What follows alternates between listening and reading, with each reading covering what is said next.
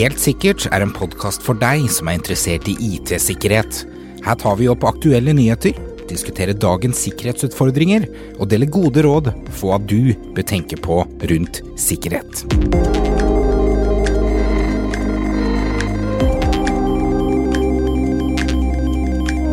Som alle IT-løsninger så er de bygget opp med en veldig solid grunnmur.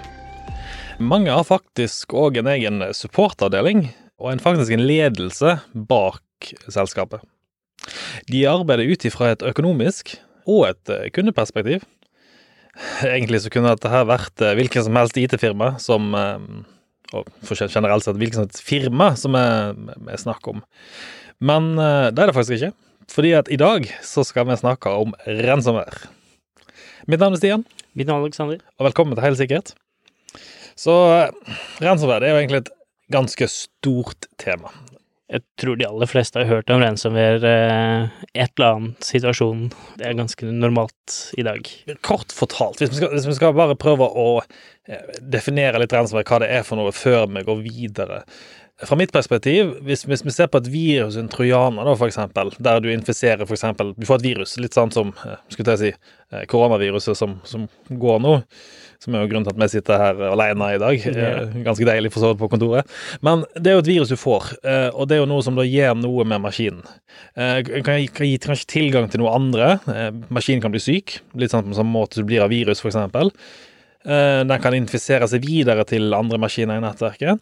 Og på denne måten kanskje ikke så veldig stor forskjell fra et ransomware, mens et ransomware den går mer på å ødelegge det som finnes. Kanskje til og med fjerne komponenter, og så krever de løspenger for at du skal få det tilbake. Ja, altså, veldig ofte så tenker man på at ransomware er et form for et malware. Altså, malware kan gjøre mye ting. Det kan gi deg tilgang til å kryptere ting, det kan gi tilgang til å bruke maskinen din som bitcoin-miner og sånne ting. Så et malware kan gjøre veldig mye forskjellige ting, men ransomware er jo da en, en form for et malware som krypterer disken din. Ja, så man har jo forskjellige kategorier med ransomware. For eksempel eh, som Mersk ble utsatt for Viperware, som egentlig er et ransomware som krypterer disken, men der det aldri mente du skal kunne dekryptere det igjen. Sånn. Ja, altså de bare ødelegger filene dine og krypterer det, og så har de ikke laga noe form for å dekryptere det igjen. Og så har vi de snille aktørene, da, de som jeg snakka om innledningsvis, med de som har support der du kan ringe et telefonnummer. Ja, så det her har jo blitt en stor business, så de som driver med det her litt profesjonelt, de har jo laga supportsenter og sånne ting som du som da har fått et ransomware kan ringe til og få faktisk hjelp til å få betalt, uh, låse opp filer og alt sånt. Og få penger, ikke minst. Ja. Det er jo ganske utrolig, da, hvis du tenker tilbake igjen på dette her som Hvis du ser på det som bedrifter. Uh, jeg vil si faktisk noen av de bedriftene har bedre support enn hvis du ringer f.eks. til Microsoft. Ja, du får faktisk mer hjelp og, og, mer profesjonell hjelp av et sånt firma som har driver med profesjonell krypto. Og nå, skal, nå skal ikke vi si at Microsoft er dårlig på noen måte, da, men litt av grunnen er vel kanskje at disse ransomware-selskapene de tjener penger på dette. Altså, det er inntekten deres å faktisk hjelpe folk. Ja, og veldig ofte så treffer sånne ransomware kanskje personer som ikke har så veldig høy IT-kompetanse, så når de da har en god supportlinje, så er det enklere for de som blir treffet, å faktisk få betale, og, og de som driver med ransomware, får betalt for det, da. For, for, vi skal jo være såpass ærlige at de fleste av oss som jobber innenfor IT-bransjen i dag, eh, kjenner vel noen som har blitt utsatt for et ransomware. Ja, vi som jobber ved sikkerhet har vel i hvert fall jobba en god del med noen som har opplevd ransomware. Dessverre. Opptil flere, vil jeg si. Oh, ja. Så hvem som kan bli utsatt for dette her, er jo litt sånn hipp som happ, vil jeg kanskje si. For det er jo egentlig alle. Ja, og så lenge du har en maskin som er kobla opp på internett, så vil jeg si at du er, du er i faresonen for å få et ransomware. Og akkurat nå så sitter jo mange på hjemmekontor. Vi hadde jo en episode om hjemmekontor nå for, for litt siden. Og ransomware er en av disse truslene som fort kan bli et stort problem hvis du sitter på hjemmekontor. For la oss si da at du i dag sitter da i huset ditt og jobber. Du har ikke IT-avdelingen til å supportere deg, kan komme ut og hjelpe deg. Og du, noen har kanskje hjem som er time under arbeidsplassen, to timer unna. Ja, og veldig mange nå når de har hjemmekontor, bruker kanskje en egen maskin istedenfor å bruke maskinen de har fra, fra, arbeidsplassen, for å koble seg inn og sånne ting. Og den er kanskje ikke like sikra som det en kanskje en IT-partner eller en IT-person hadde gjort på bedriftens maskin. da. Så du som sitter på hjemmekontor, har kanskje ikke en, en oppdatert antivirus med beskyttelse for ensomhet og sånne ting. Og det skal sies at ikke alle uh, antivirusprogrammer har en aktiv beskyttelse mot ransomware, så det, det er noe man må sjekke om den programmet har, faktisk stopper sånne ting. Altså, hvis vi tar, Nå skal vi snakke litt mer om eh, to mest kjente eh, ransomware. Grandkrab eh, det er en som har gått nå ganske lenge, og så har du Lokkagoga. Lokkagoga skal vi komme tilbake litt seinere med. Den hadde vi en hendelse her i Norge, blant annet med det ransomware. Så hva er egentlig ransomware? Hvem er utsatt, og kan vi egentlig, og hvordan kan vi beskytte oss? I 2021 eh, så anslås det at ransomware vil skade bedrifter for ganske store summer. Ifølge en undersøkelse fra Cyber Security Ventures så vil faktisk dette tallet passere over 20 milliarder dollar. Dette her er amerikanske tall, så dette her er da basert på USA. Eh, og det er en økning fra 11 milliarder i 2019 og 8 eh, milliarder i 2018. Og det utføres et angrep hvert 14. sekund eh, i fjor. Så vi snakker her om astronomiske summer, egentlig. Altså, du kan tenke deg 20 milliarder dollar, og dette er det amerikanske markedet, mm. ikke, ikke, verdensmarkedet. Og, og, det skal jo sies at det er ikke stor forskjell på hvor du befinner deg i verden, på hva en ransomware-firma prøver å utnytte, da. Nei vi er like mye kobla til, og kanskje mer kobla til internett per person her i Norge enn mange andre land, så vi er kanskje enda mer utsatt enn veldig mange andre sånn sett. Og det, og det gjør at kanskje tallene som da trekkes fra USA, kan kunne ha vært høyere her i Norge òg. Det tror jeg absolutt. Eh, jeg tror vi har vært heldige her i Norge enn så lenge. Vi har sluppet litt unna. Fordi vi skal være såpass ærlige at eh, IT-sikkerhet i Norge er et underprioritert eh, tema. Det, det, er ganske mange som jobber med det, og vi er frem, langt fremme på teknologi, men vi ofte har en veldig naiv holdning til sikkerhet. Ja, og noe av det som jeg ser, er at mye av den som er IT-avdelingen og IT-sikkerhetsavdelingen i mange norske firmaer, er en eller annen som har hatt litt IT-kompetanse fra før av. Vi er veldig IT-kyndige her i Norge, ja. så vi setter opp ganske mye løsninger sjøl. Vi har kanskje ikke hatt den største utdanningen i sikkerhet og sånn før man begynner å jobbe med sånne ting. Så man setter opp et lite firma og kobler allting sammen, og fordi man kan litt IT og har jobba litt med maskin hjemme. Og så tenker vi kanskje ikke over konsekvensen av dette med å koble sammen systemet, og kanskje ikke Det er litt skummelt å si det, men tar ikke hensyn til arkitekturen og sikkerhetsarkitekturen i systemet. Det høres veldig fancy ut, dette med sikkerhetsarkitektur. Det er ikke så fancy det høres ut som. Eh, det er egentlig veldig enkelt å ta ned For eksempel antivirus. Det er en del av sikkerhetsarkitekturen og høres veldig fancy ut. Ja. Vi har jo prata litt om tiltak og sånn fra tidligere podkast, yes. så hvis du har lyst til å høre litt mer om det, så kanskje lytte litt på de. Så jeg har en quiz til deg. Eh, når tror du det første ransomware-angrepet skjedde? Første ransomware-angrepet? Aller første ransomware-angrepet. Oh. Og nå vet jeg at jeg putter deg på en vanskelig posisjon, for du, jeg, jeg, har lest den på dette, så jeg, jeg kjenner, vet svaret. Men ja. se om du eh, kan tippe svaret. Oh, det, jeg har egentlig ikke noen god idé, men eh, altså, vi tipper det, det, er ikke, det er ikke så veldig gammelt, så jeg tipper sånn rundt 2010 Å nei, det er før 2000. Før 2000. Ja. Ok. Men det var ikke så veldig mye brukt uh, som et aktiv angrip. Det er helt riktig. Um, jeg kan gi det svaret. 1989 er den første ransomware-viruset noensinne ble oppdaga. Og det var jo selvsagt et universitet som lagde dette her. Ja. Selvsagt. Uh, men når tror du at dette her ble populært? Og da var du litt inne på litt årstallet. Ja, så det er som jeg sa, kanskje rundt 2010, 2012 2012, kanskje. Det stemmer veldig godt. Uh, I 2013 var året som ransomware faktisk eh, slo virkelig an i vinden. Og da har vi et annet fenomen som begynte å vokse seg opp i rundt 2008-2009, som tok virkelig av i 2013, og da var Gencrab er vel et av de Å oh, nei! Ding, ding, ding, ding. Bitcoin. Bitcoin, ja, ja. Yes, vi er inne på det. Betalingsmekanismen. Fordi mm. problemet med ransomware før bitcoin kom, var jo at du måtte kreve penger på en eller annen måte. Ja, så det er jo sånn de får betalt litt anonymt, ikke sant. Bitcoin kan du betale uten at du, mottakeren eller avsenderen faktisk vet hvem de er. Og ikke bare da, men sporing. Uh, for å si det sånn, før så brukte man veldig mye Nå husker jeg ikke navnet på dette her, men det var en tjeneste som ble lagt ned nå for, for en del år siden, som var brukt til å finansiere litt sånn lyssky tjenester. Det er ikke Western Union. Western Union er en, en bank for å overføre. Jeg skal se om jeg finner navnet på dette senere. Men Eh, Det som skjedde, var at du hadde jo sporing. Eh, Hvis du skulle for ha penger, så måtte du bruke eksempel PayPal. Eh, Og på PayPal har jo sine egne systemer for å spore at alle transaksjoner sees, Mm. slik at det var veldig vanskelig å holde seg anonym. Eh, Bitcoin derimot eh, er jo egentlig en desentralisert løsning. Det vil si at det er ingen som styrer valutaen. Sånn som PayPal, for eksempel. Eh, Så er det jo PayPal som sitter som eier, og som kan se alle transaksjoner som er gjort. Mm.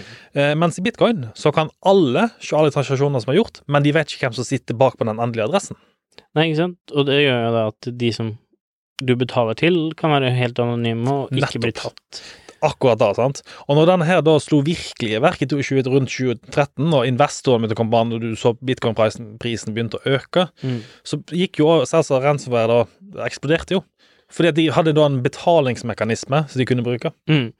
Så til å begynne med så var det vel noen av de som jeg hørte om, som brukte bankkort eller bankkontoer Yes. og sånne ting, men de blei fort tatt og fort uh, sperra ned for det, ikke sant, det var sporbart. Det da, Bankkonto er, en, det er fortsatt en vanlig måte å bruke og jobbe litt innenfor finansnæringen sjøl, så jeg har jo sett hvordan dette går i praksis, og uh, det kalles for muldyrkonto.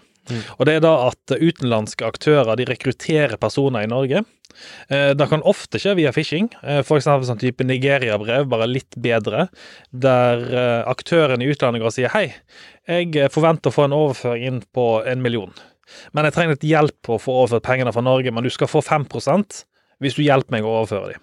Og på den måten så rekrutterer de muldyrkontoer. Altså når de installerer ransomware på hos eh, kunder Normalt sett blir dette her nå brukt i fakturafishing og sånn type ting, Mm. der man endrer kontonummer på faktura. Så, eh, så overføres pengene da til muldyrkontoen, og de går inn i banken sin og manuelt overfører disse til utlandet til angriperen sin konto, da, og på den måten blir et muldyr. Mm. Det er jo totalt ulovlig. Du blir også holdt ansvarlig, du som eier kontoen for det, så det absolutt hold dere unna sånne ting. There is no such thing as free money, eh, er egentlig regelen. Og hold dere til den. Men litt på samme måte, bare med ransomware. De måtte bruke bankkontoer, som du sier, de måtte bruke andre mekanismer som ofte ble stengt ned. Mullerkontoer er veldig lett å få tak i, for du ser på penger som går inn, og hvis det er unormalt mønster for eksempel, på det som går inn, og det som går ut, så flagges det i bankene, og så stenger de ned kontoene eller sperrer for overføring. Mm. Så bankene har mekanismer, sikkerhetsmekanismer for å stoppe disse tingene. Men når bitcoin kom, da, så var det jo veldig enkelt, og spesielt når børsene kom. Vi hadde jo f.eks. Bitcoins Norway, der du kunne betale med norske visakort og få bitcoin. Som gjorde det utrolig enkelt for da en eh, ransomware-utpresser å si du, nå har jeg kryptert filene dine, og du skal betale 70 000 i norske kroner, men i bitcoin. Mm. Fordi du kunne bruke de norske kursene for å få ut, uh, ut prisene på det. Ja, og det er blitt litt hardere å få tak i bitcoins for tiden også, så det er kanskje litt for å prøve å gjøre det her eh, tiltak for å betale for ransomware kanskje litt enda litt vanskeligere også, men må eh, vil jeg si. Det er- litt sånn todelt. Eh, Bitcoins Norway, som de fleste som er kanskje innenfor IT-verden, har nok hørt om Bitcoins Norway, og de gikk jo konkurs her for for ikke så lenge siden, på grunn av et innbrudd, faktisk. Et eh, sikkerhetsinnbrudd. Ja. Der de var inne og stjal ganske mange millioner fra Bitcoins Norway ved hjelp av phishing. Ironisk nok så var det fordi at de brukte den der eh, Vi har snakket om det tidligere, den telefonhacken ja. der de fikk SIM-kort. Eh, Så de hadde gått på da leverandøren til Bitcoins Norway. Nå skal, nå skal jeg ikke si dette er 100 sikkert, fordi at dette her er ikke bekreftet opplysninger, men dette er det som er blitt fortalt. Så hadde de gått på leverandøren, eh, som var Alphapoint på det tidspunktet, og så hadde de SIM-fisha Alphapoint, slik at de fikk tak i tofaktornøkkelen, Ja. eller tofaktor-SMS-en. Ja, og, og siden vi er bare fort inn på det, så er jo, som vi har anbefalt før, da, eh, tofaktor på SMS er noe vi sterkt anbefaler å ikke bruke. Yes. Fordi at du må ikke ha fysisk tilgang til enheten, du må ha tilgang til SIM-kortet, og SIM-kortet kan du veldig enkelt få en kopi, eller et, tvillingsim, for eksempel fra Telia og Telenor, Ja. der du får et kopi av SIM-kortet. Begge telefonene får SMS-en. Tenk på det neste gang du får to faktor på koden din. Så har, bruker du den der SIM-kortet ditt på 3G-ruteren din, for eksempel, så ligger den SMS-en på 3G-ruteren din òg. Så det er ikke så veldig smart eh, å ha to faktor på SMS. Men uansett, vi skulle ikke snakke om tofaktor i dag. Eh, sporer litt av her. Påsken tar litt på, vet du. Ja, har ikke prata på en med noen på en par uker. Ja, nei, jeg merker da at jeg har sittet inne de siste, de siste tre ukene. Ja. Mm.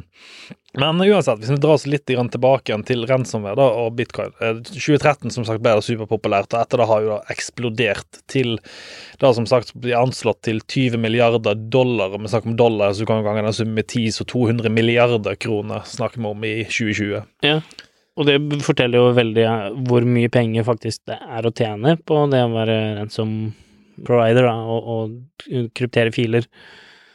Det, det, er helt riktig. Um, hvis vi ser på de som lager Grunnen til at dette her er blitt så populært, er jo fordi at leverandørene av ransomware Og da snakker vi ikke nødvendigvis de som tilbyr support. For det at hvis du ser på en IT-partner, eh, f.eks., så kjøper de ofte produkter fra en eh, leverandør igjen, så de selger videre til kundene sine. Og På samme måte så opererer ransomware, med at de som drifter support og får penger ut ifra kundene, er ikke nødvendigvis de samme som lager selve produktet. Nei, så det er jo sånn som vi opplever veldig ofte, at det er flere forskjellige grupper som bruker samme ransomware-kode. Yes. Så de har bare branda sin egen, sånn som vi kaller splash screen, eller eh, måte å fortelle at du må betale til den og den bitcoinen, eller ringe det og det nummeret for å få support. Nettopp, sant. Og det er forskjellige IT-partnere, da, i hermetegn ransomware-partnere. Uh, og hvis vi ser på det mest um, det, det, største ransomware i 2019 um, som er Locky, så hadde de faktisk, er det anslått, 150 millioner dollar i profitt. Og da snakker vi om profitter, ikke om eh, faktisk det som eh, det etter utgifter er betalt. Til sammenligning, Petja, not Petja, som Maersk ble utsatt for, så anslår de at profitten var 10 000 dollar. Ja. Og profitten der var de som lagde eh, Viper-været, og fikk betalt for det. That's it. For det var aldri ment for å tjene penger. Og der hadde du da forskjellen på da et Viperware som er ment for å lage destruksjon, altså bare ødelegge, og et ransomware som snakker om å tjene penger. Hva er mest skumlest? Jeg vil faktisk gå mot Viperware til de grader, eh, men ja. Viper har som hensikt å ikke gi tilbake filene, men bare lure deg til å betale. Men vi ser jo det at flere og flere av de som faktisk har som hensikt å, å gi deg filene tilbake, begynner å ikke klare å levere nøklene på grunn av både sikkerhetsaktører og sånne ting, tar ned serverne deres, så de har ikke kryptonøklene lenger. Så det er alltid, uansett om det ikke er en vaporware, så har du kanskje en 50-50 sjanse for at du får ting tilbake igjen, ut ifra hvilken leverandør det er. Så det å betale gir deg aldri garanti for at du får filer tilbake. Nei, det er altså, det er altså så skummelt. Og noen har vært heldige. vært hotell her eh, Et hotell som brant ned. Selje hotell.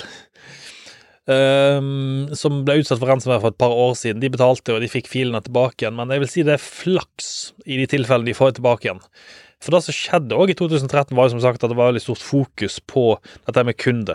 Mm. Kunde og gi support. Og så kom alle de andre aktørene på banen. Ofte så begynner man med noen store. Noen som er enormt store, som gir bra support, som får et godt rykte på seg. Og som du sier, så selger man den koden som de har brukt, eller produktet, videre til andre som egentlig ikke bryr seg om support. De bryr seg bare om å få pengene. Mm. Så de, de gjør det mye enklere. De bare tar imot pengene, og så bare eh, bryr meg ikke. Nei, for en sånn aktør som faktisk gjør den angrepet, er jo det å få penger det som er gevinsten her. Vi har jo sett også folk som har blitt angrepet av ransomware, og betaler, får dekryptert filen igjen. Og så gjør ikke firmaet noe store tiltak, for nå har de fått filene tilbake, og ting er på, på plass. Så tar det kanskje to-tre måneder, og så blir de angrepet igjen. Ja, altså, man tenker jo, som du sier, at dette er jo over. Nå har vi fått tilbake, noe, alt gått tilbake til normalen igjen. Men som tar oss litt inn på den, eh, den andre delen av dagens episode. Og det er hvordan et ransomware kan benyttes til andre ting enn ransomware. For i 2019 eh, som de fleste husker tilbake til på, så ble Norsk Hydro infisert av et eh, ransomware. Eller det som i utgangspunktet virka som et ransomware. Det har vært mye snakk om Norsk Hydro, og det er litt fordi at de har valgt å ha en åpen strategi. Eh, åpen kommunikasjon ut mot omverdenen på hva som er skjedd, hvordan det har skjedd, og hvilke tiltak de jobber med, og hva Altså, mm. der fleste lukker seg ned og ikke vil fortelle om at de blir utsatt for ransomware-angrep, så vil jeg si at Norsk Hydro er ledende på området med å faktisk kommunisere ut informasjon. Ja, og det endra seg kanskje litt mer når vi fikk GDPR og hva slags krav du har for å informere om Yes. tapt data og sånne ting også. Men det som var så spesielt da med Norsk Hydro, var at i etterkant så viste det seg at ransomware var et skjult angrep. Det foregikk et dobbeltangrep mot Norsk Hydro, der ransomware bare bare for å dekke over det egentlige angrepet, som var angrepet på den sentrale databasen Active Directory.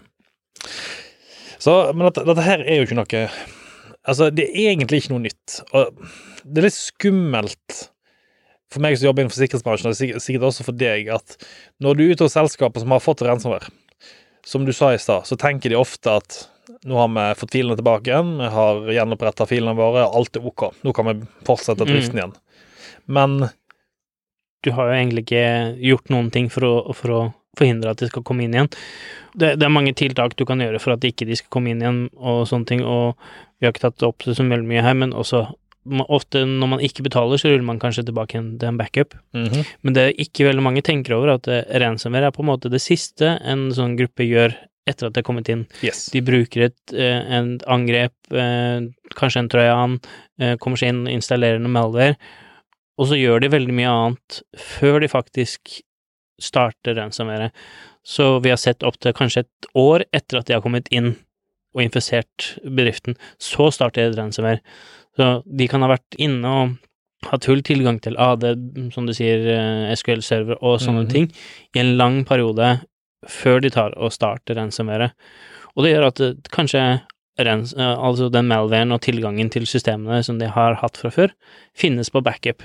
Nettopp. Så når du har da, ok, du har fått et ransomware, du restorer backupen din, så har de fortsatt tilgang, for det backupen din inneholder den mm, bakdøren eller malwaren som de har brukt for å komme inn. Altså, du har egentlig bare sikkerhetskopiert veien for å komme inn. Ikke sant?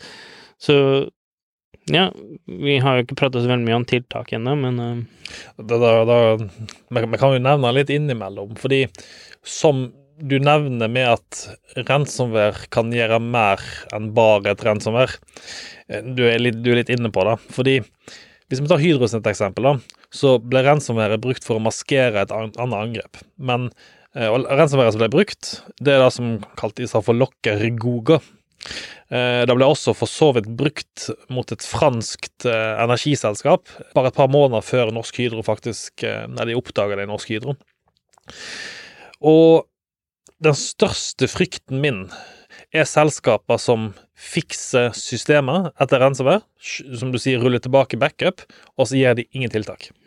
De, de fortsetter med samme antivirus, de fortsetter med samme servere. Re, no, mange av de reinstallerer kanskje ikke serverne, de bare ruller tilbake backupen og sier alt er ok. mm, Eh, la oss si at det er da Exchange-serveren som er blitt tatt av ransomware. Så reinstallerer de bare Exchange, og så bryr de ikke seg om de andre serverne, for de er jo sikre. De har jo ikke noe tegn til virus. Nei, så ikke sant, ransomware, som vi sier, er jo noe som de gjør for å kanskje dekke, skjule og sånne ting, og kanskje det siste. Og jeg tenker på når du får et ransomware, så må du tenke at noen har vært i bedriften din Yes. kanskje et helt år uten at du oppdaga det, og hvor de har vært hen, det vet du ikke. Du aner ikke. Du har ikke peiling. Eh, og det, det er skremmende å tenke på. Um, og Hvis vi tar Norsk Hydro, for eksempel, sånn, så, så var de da og angrep de sentrale systemene til, um, til Norsk Hydro samtidig som ransomværet løste seg ut. Og det er jo en god grunn til.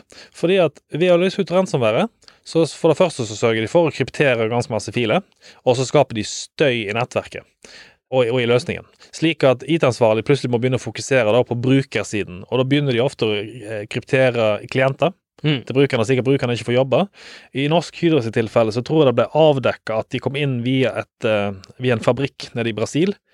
Og dermed så spredde det seg på, på nettverket. Eh, Det er iallfall Ja. det som er blitt fortalt. Nå er ikke den offisielle rapporten ute ennå, men Nei, øh, jeg kikka litt på fra forrige podkast jeg hadde, på akkurat den rapporten som Hydro har lagt ut sjøl, uh -huh. Og der står det udefinert når de faktisk kommet inn. Ja.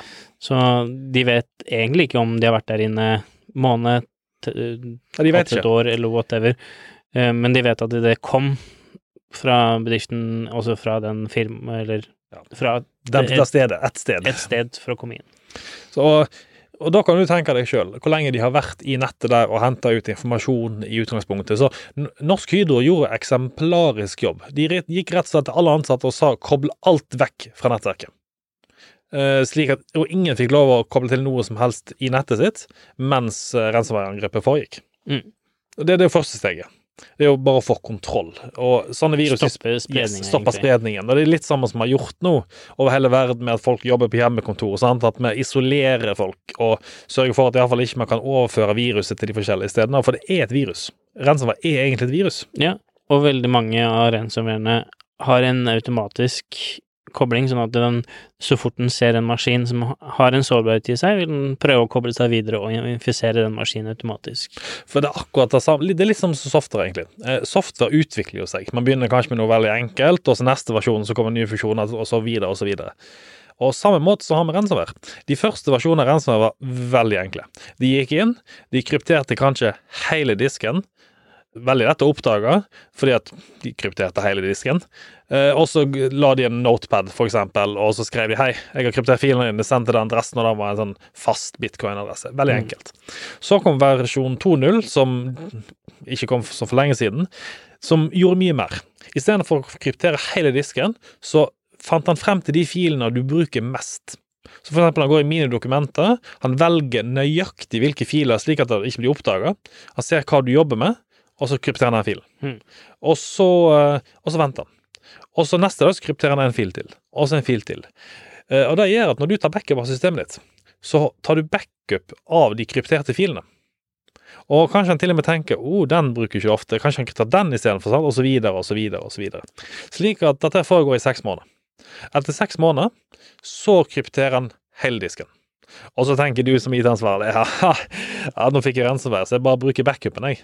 Så jeg bare eh, ruller tilbake igjen, og så ruller tilbake en måned, og så oh shit. Du må fortsatt mange filer som er Ruller tilbake to måneder, Ja. shit. Seks måneder, shit. Same problem. Og tenker du, tenker du, oh, det var den siste fulle backupen jeg tok, fordi at eh, backup-rutinen vår den sier bare at vi skal ha full backup egentlig bare én måned, men jeg har vært så flink at jeg tok vare på seks måneder, fordi hvem trenger egentlig full backup mer enn seks måneder. Ja, og flere og flere av ransomwarene nå til dags slår jo også av backup-programmer og backup-rutiner, sånn som shadow backup-filer og andre backup-programmer. Nettopp da, de begynner å bli smarte, så ransomware er blitt smart. Den lærer seg hvordan du bruker systemet, og så jobber den med deg for å sørge for at det ikke blir oppdaga. Så du kan tenke deg neste versjon, da, eh, som er 3.0, der man begynner å ta i bruk maskinlæring. Der man ser på mønster over mange brukere, for så å etterligne bruksmønsteret til en vanlig bruker. Så, så og ikke bare ta sånn filer etter basert på data, men faktisk hvordan du bruker PC-en. Mm. Og da begynner vi å snakke om Og dette her er i prosess allerede. De jobber faktisk nå med ransomware som er så smarte. Ja, og vi ser jo at mm, flere og flere malware, da, som er liksom måten de kommer seg inn på som regel, begynner å bruke mer, maskin, mer og mer maskinlearning. Yes. Og, og det er fortsatt veldig, veldig mange i dag som får infisert et malware på grunn av at de kanskje gjør mm, Altså, du kan få det via at de har tilgang til maskinen din fra internett, de sender phishing-ting til deg, og du får infisert maskinen din på veldig, veldig mange forskjellige måter.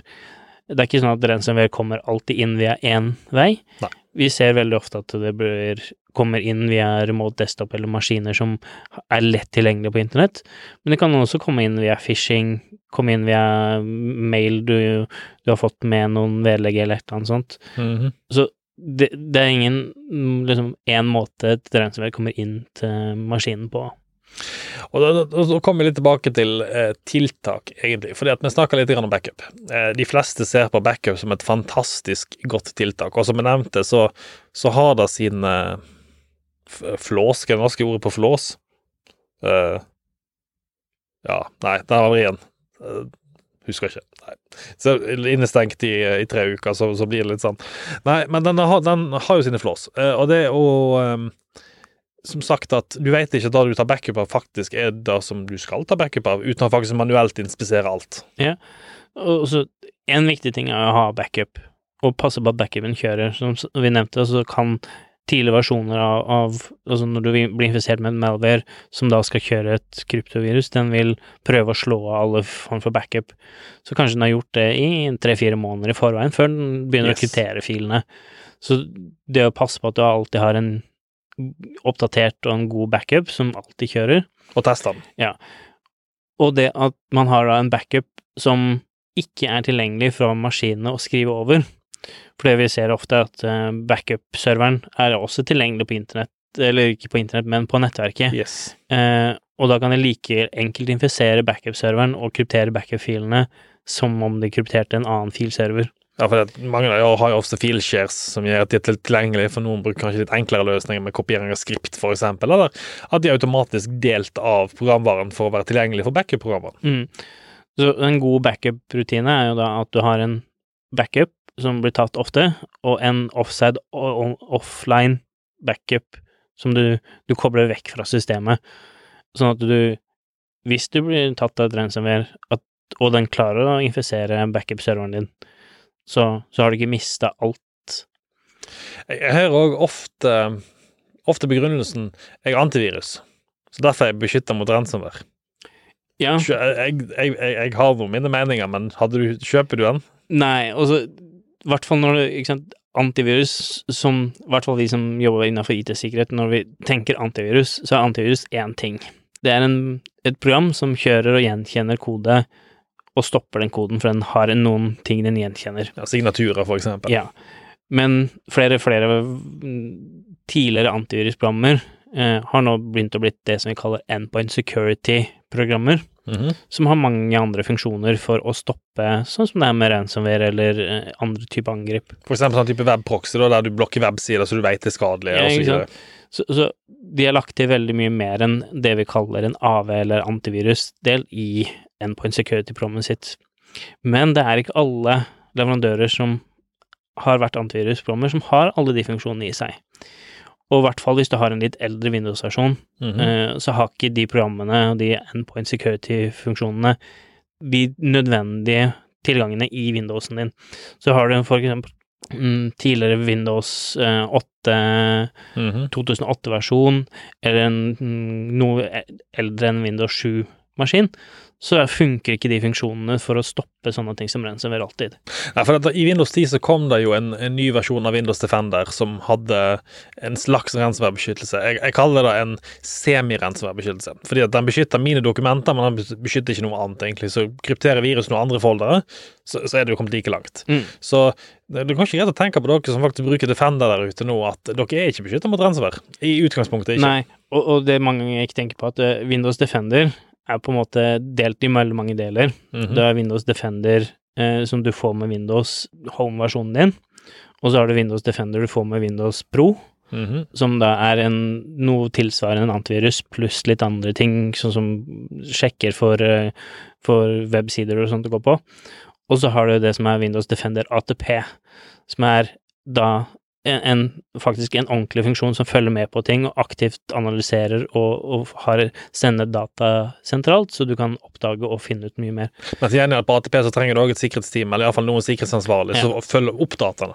Så Windows Defender betyr ikke at du har alle funksjonene. En vanlig Windows Defender på Home er litt mer som et antivirusprogram som beskytter deg på noen få, få områder, men ikke alt. Og så er det også leverandører da, som tilbyr dedikert ransomværbeskyttelse, f.eks. sånn som Sofos, som har Intercept X, er det vel heter? Ja. Uh, F-Secure har vel også noe, mener jeg. Jeg har iallfall lest en whitepaper på et produkt, jeg husker ikke navnet på det akkurat nå.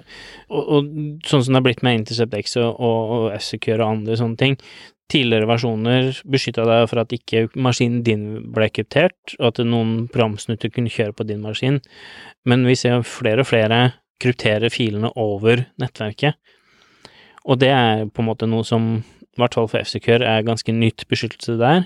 Eh, Intercept X har hatt det en stund, men, og det er jo på den måten vi har sett at veldig mange filer og hjemmeområder og filskjer har blitt eh, kryptert. Jeg vil jo ta opp et annet punkt òg, og det er rett og slett ehm, Den enkleste sikkerheten du kan gjøre, er faktisk cyberforsikring. Ehm, det er nok noe som ikke blir snakka om nok for tiden, ehm, fordi at når når uhellet først er ute Det første som skjer, er å finne ut hvor du skal henvende deg. Eh, De fleste av dere har et forsikringsselskap.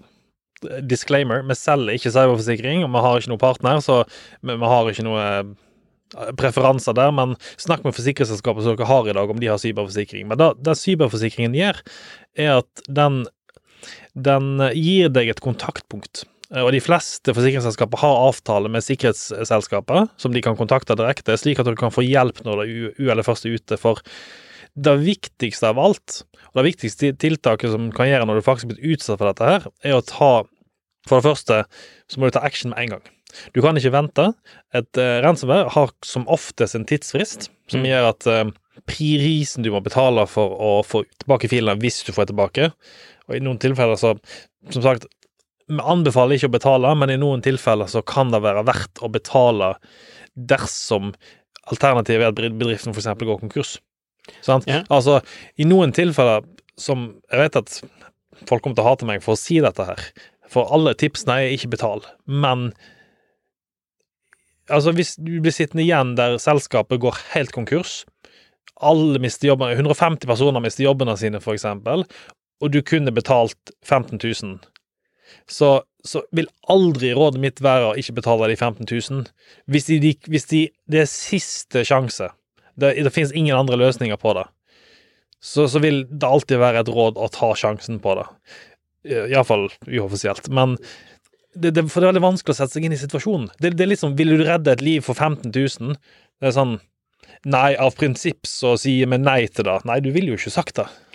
Nei, og, og det som er kanskje litt viktig å ta fram her, er at grunnen til at du sier at ikke du skal betale, handler jo litt om at eh, når du betaler, så gjør du bare at det miljøet innafor ransomware bare vil vokse. Yes. Fordi de ser og skjønner at de kan tjene godt med penger, og når vi alle da betaler, så vil det her bare bli enda mer og enda oftere, og miljøet blir bare enda større. Det blir bare verre, rett og slett. Men altså, last resort så gjør du det meste for å redde. Men uansett, det som cyberforsikring gjør, da, er at du får det kontaktpunktet, og de vil kunne rådgi deg, og de vil kunne tilby deg støtte der og da. For som sagt, det haster ekstremt med å få i gang Mm. den prosessen med å kunne undersøke og finne ut hvorfor dette skjedde, hvordan det skjedde, og hvordan man skal fikse det. Og, og hvis du ikke har en uh, cyberforsikring, så ta kontakt med et uh, cyber uh, security-firma som kan Yes. hjelpe dem, og gjør det helst med en gang. Og vi kan formidle kontakter med òg, eh, til andre forsikringsselskaper. Som sagt, vi har ikke noe avtale med noen, men vi kjenner jo til markedet Ja. for cyberforsikring. Vi, vi har en bloggpost på, på Yes. at vi gikk gjennom eh, noen, eh, noen par eh, Leverandører, forsikringer ja. som, som er, kan være aktuelle å bruke. Men uh, hvis du ikke har noen forsikring, så ta kontakt, uh, Yes. gjerne med oss eller med noen andre sikkerhetspartnere, så vi i hvert fall får satt i gang det her med å gjøre noen ting. Og, og Det det som også du må tenke på da, at Forsikringsselskapet ville kunne gi dere økonomisk støtte i en tid der du kanskje ikke har tilgang til systemene dine. For eksempel, du har massevis av fakturaer som skal betales, men du får ikke tilgang til økonomisystemet fordi at alt er låst ned. Og vi, og vi ser jo det med de firmaene som vi har jobba med når det kommer til ransomware.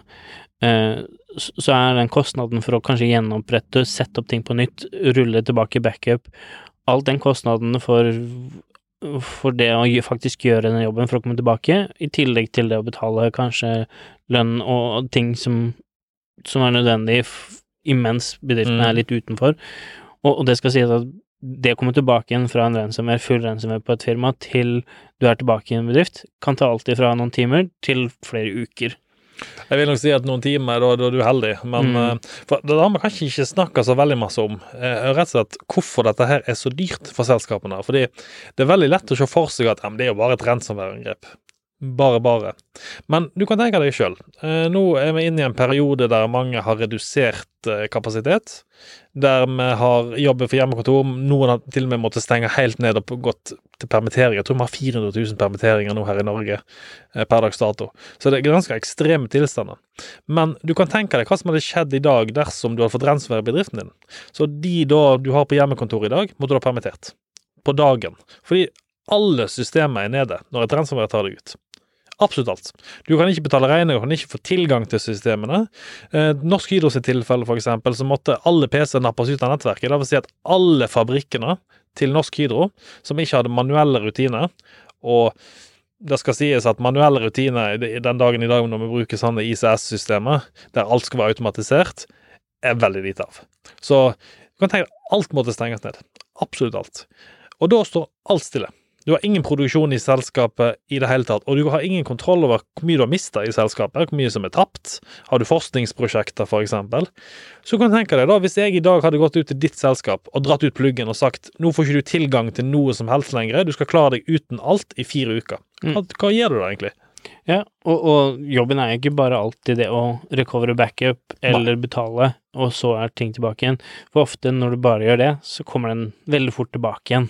Det er du- oppbygningen, sant? Ja. Så, så har du blitt angrepet av et ransomware, så må du gå gjennom hele infrastrukturen din og finne ut hvorfor, hvordan, og, og, og gjøre tiltak for å, å få stoppa sånn at det ikke vil skje igjen. Og mest sannsynlig så må du bygge opp alt på nytt igjen. Det er, I større selskaper som tar disse tingene alvorlig, så ender du opp med å måtte enten bygge alt opp på nytt igjen, eller så gjør du sånn som Norsk Hydro har gjort, og flytter alt opp i skyen. Mm. Men det har jo kostnader, det òg. Det er jo ikke gratis. Nei. det at de kommer inn og får tatt ransomware, er jo begynner å bli Det er jo flere og flere zero days, flere og flere ting som kommer nå om dagen. Så, så det å faktisk infisere og, og komme inn og få kjørt et ransomware begynner å bli nesten enklere for noen ting. Det skjer automatisert. automatisert. Og, og det vil fortelle bare at eh, sant, det å skanne og, og finne ut ting på nett eh, har blitt enda enklere, og flere og flere, nå når vi har hjemmekontor, har kanskje satt opp nye tjenester Yes. for at du skal komme inn i bedriften, sånn som VPN, eh, remote desktop-løsninger og sånne ting, som gjør at det bare blir enda enklere for angripere å komme inn. Så ja, nei, altså Hvis vi skal summere opp da denne episoden i dag eh, på, på dette her, så Hvis jeg skal gi mine topp tre tips på ransomware, så vil jeg for det første si få deg en, dedikert ransomware-beskyttelse. Eh, det koster så lite. Nå husker jeg ikke prisen på Intercept X og F-Secure og sånt, og alle disse produktene, men vi snakker her om 20-30 kroner i måneden for et endepunkt, eller ikke da engang, for et endepunkt. Det, det, er så, det er så små summer, Mm. egentlig. Og Og og sjekk det programmet du bruker i dag, om det faktisk har Yes. en aktiv For noen, ransomware-beskyttelse. noen er innebygd Ja, allerede. Og, ja, og, og selv om du har et antivirus, så betyr ikke det automatisk at du har beskyttelse mot den som er. Så det er noe første tips jeg ville gjort. Er det en veldig Og jeg kan garantere, hvis du går til forsikringsselskapet, så kommer de til å spørre deg hva sikkerhet og hva beskyttelse du har. Det er det første spørsmålet, for du skal jo betale noe penger for den polisen. Så punkt nummer to, gå til, gå til et forsikringsselskap eller et IT-partner eller et IT-sikkerhetspartner og be om å få et tilbud på cyberforsikring eller en partner som de har. Eh, slik at dere har et eh, hjelpepunkt, men også en økonomisk sikkerhet hvis det skulle skje noe.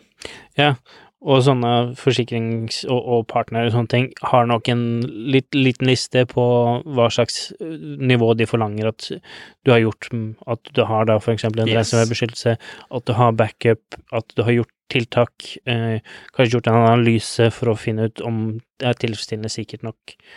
Så punkt tre, da, som vil si, det er rett og slett hvis uhellet er ute, ikke vent over helga med å kontakte noen. Skjer dette på en lørdagskveld, så garanterer jeg at det finnes mange sikkerhetspartnere der ute som rykker ut på kort varsel. Jeg vet at vi iallfall har telefonen ved siden av senga, så å si, når vi ligger og sover, men eh, Be om å få hjelp, og forsikringsselskapet har som regel eh, døgntjenester som de kan ringe og ta kontakt med. Eh, IT-partner òg, for så vidt. Så, så ikke nøl, og ikke vent, vær så snill. Fordi den vi, vi kommer ofte ut til kunder, som sagt, der vi ser det har vært rensomvær, og vi kan ikke vi, klarer ikke å hente tilbake nøklene i noen tidspunkt. For eksempel, så en av tingene vi går ut og gjør, er jo en minneanalyse. Mm. Der vi rett og slett kjører en minnedump på serveren som er installert på, og så prøver vi å spore tilbake igjen i minnet når ransomware kom inn. For det er mulig å hente ut nøklene på den måten. Men har dette pågått over tid, og ikke med forvarsling tidsnok, så er det komplett umulig. Yeah. Og, og jo, altså, punkt fire, så jeg kanskje vil si, ikke restart eh, servere eller eh, PC hvis dere får ransomware. Isoler de. Yes. Napp ut av nettverket, la de fortsatt stå med strøm på. Iallfall mine eh, tre slash fire tips. Og alle de tiltakene man gjør for å sperre, sånn som et forsikringsselskap ville ha forlangt, er jo da liksom, backup, og vi har pratet om kanskje at backup ikke er alltid godt nok, men det er i hvert fall et minimumsnivå, og i hvert fall etter det har vært angrepet, så må du gjøre tiltak for å forhindre at det her ikke vil skje igjen, for ellers så vil det garantert skje igjen. Ja, og du kan ikke gå da og klage til IT-partner at det har skjedd igjen hvis du har fått beskjed om å sikre systemene, men du velger å ikke gjøre noe. Når du kommer tilbake i en drift, så, så, så må du fikse hullene. Det, altså, mange, Hvis du punkterer dekket ditt, så går du ikke bare på presisjon og fyller luft på det igjen, og så klager du 200 meter opp i veien på at det går tom for luft igjen. Altså, Nei. Det er jo ingen som gjør det. Det er jo ingen som tenker såpass lite. Men tydeligvis så går det greit å gjøre med IT-systemene. Ja, med IT-systemet så ser vi at det skjer igjen og igjen og igjen. Bare fyller på luft, og så stopper du, og så fyller på luft igjen, og det går 200 meter, og fyller på luft igjen, og så tenker du ja, men og det her må jo være bensinstasjonen sin feil, fordi at de fyller ikke på riktig luft. Ja. Yes. Og, og med det så tror jeg vi avslutter dagens samtale før vi sitter her og maser eh, hull i hodet på folk der ute i evigheter. Eh, bra episode. Neste uke så skal vi ha om eh, backup. Så vi nevnte backup som sagt eh, en del ganger i denne episoden her, så følg med på neste episode. Tror det blir interessant. Tror det blir bra. Så får dere holde dere friske og ha en riktig fin dag. Ha en fin dag. Ha det bra. Ha det bra. Podkasten Helt sikkert er laget av Cybron Security og produsert av Shaw Media. For mer informasjon om IT-sikkerhet, gå inn på cybron.no, eller så finner du oss også på Facebook under navnet Cybron Security. Vi tar gledelig imot innspill, tips, eller om du har spørsmål rundt din IT-sikkerhet.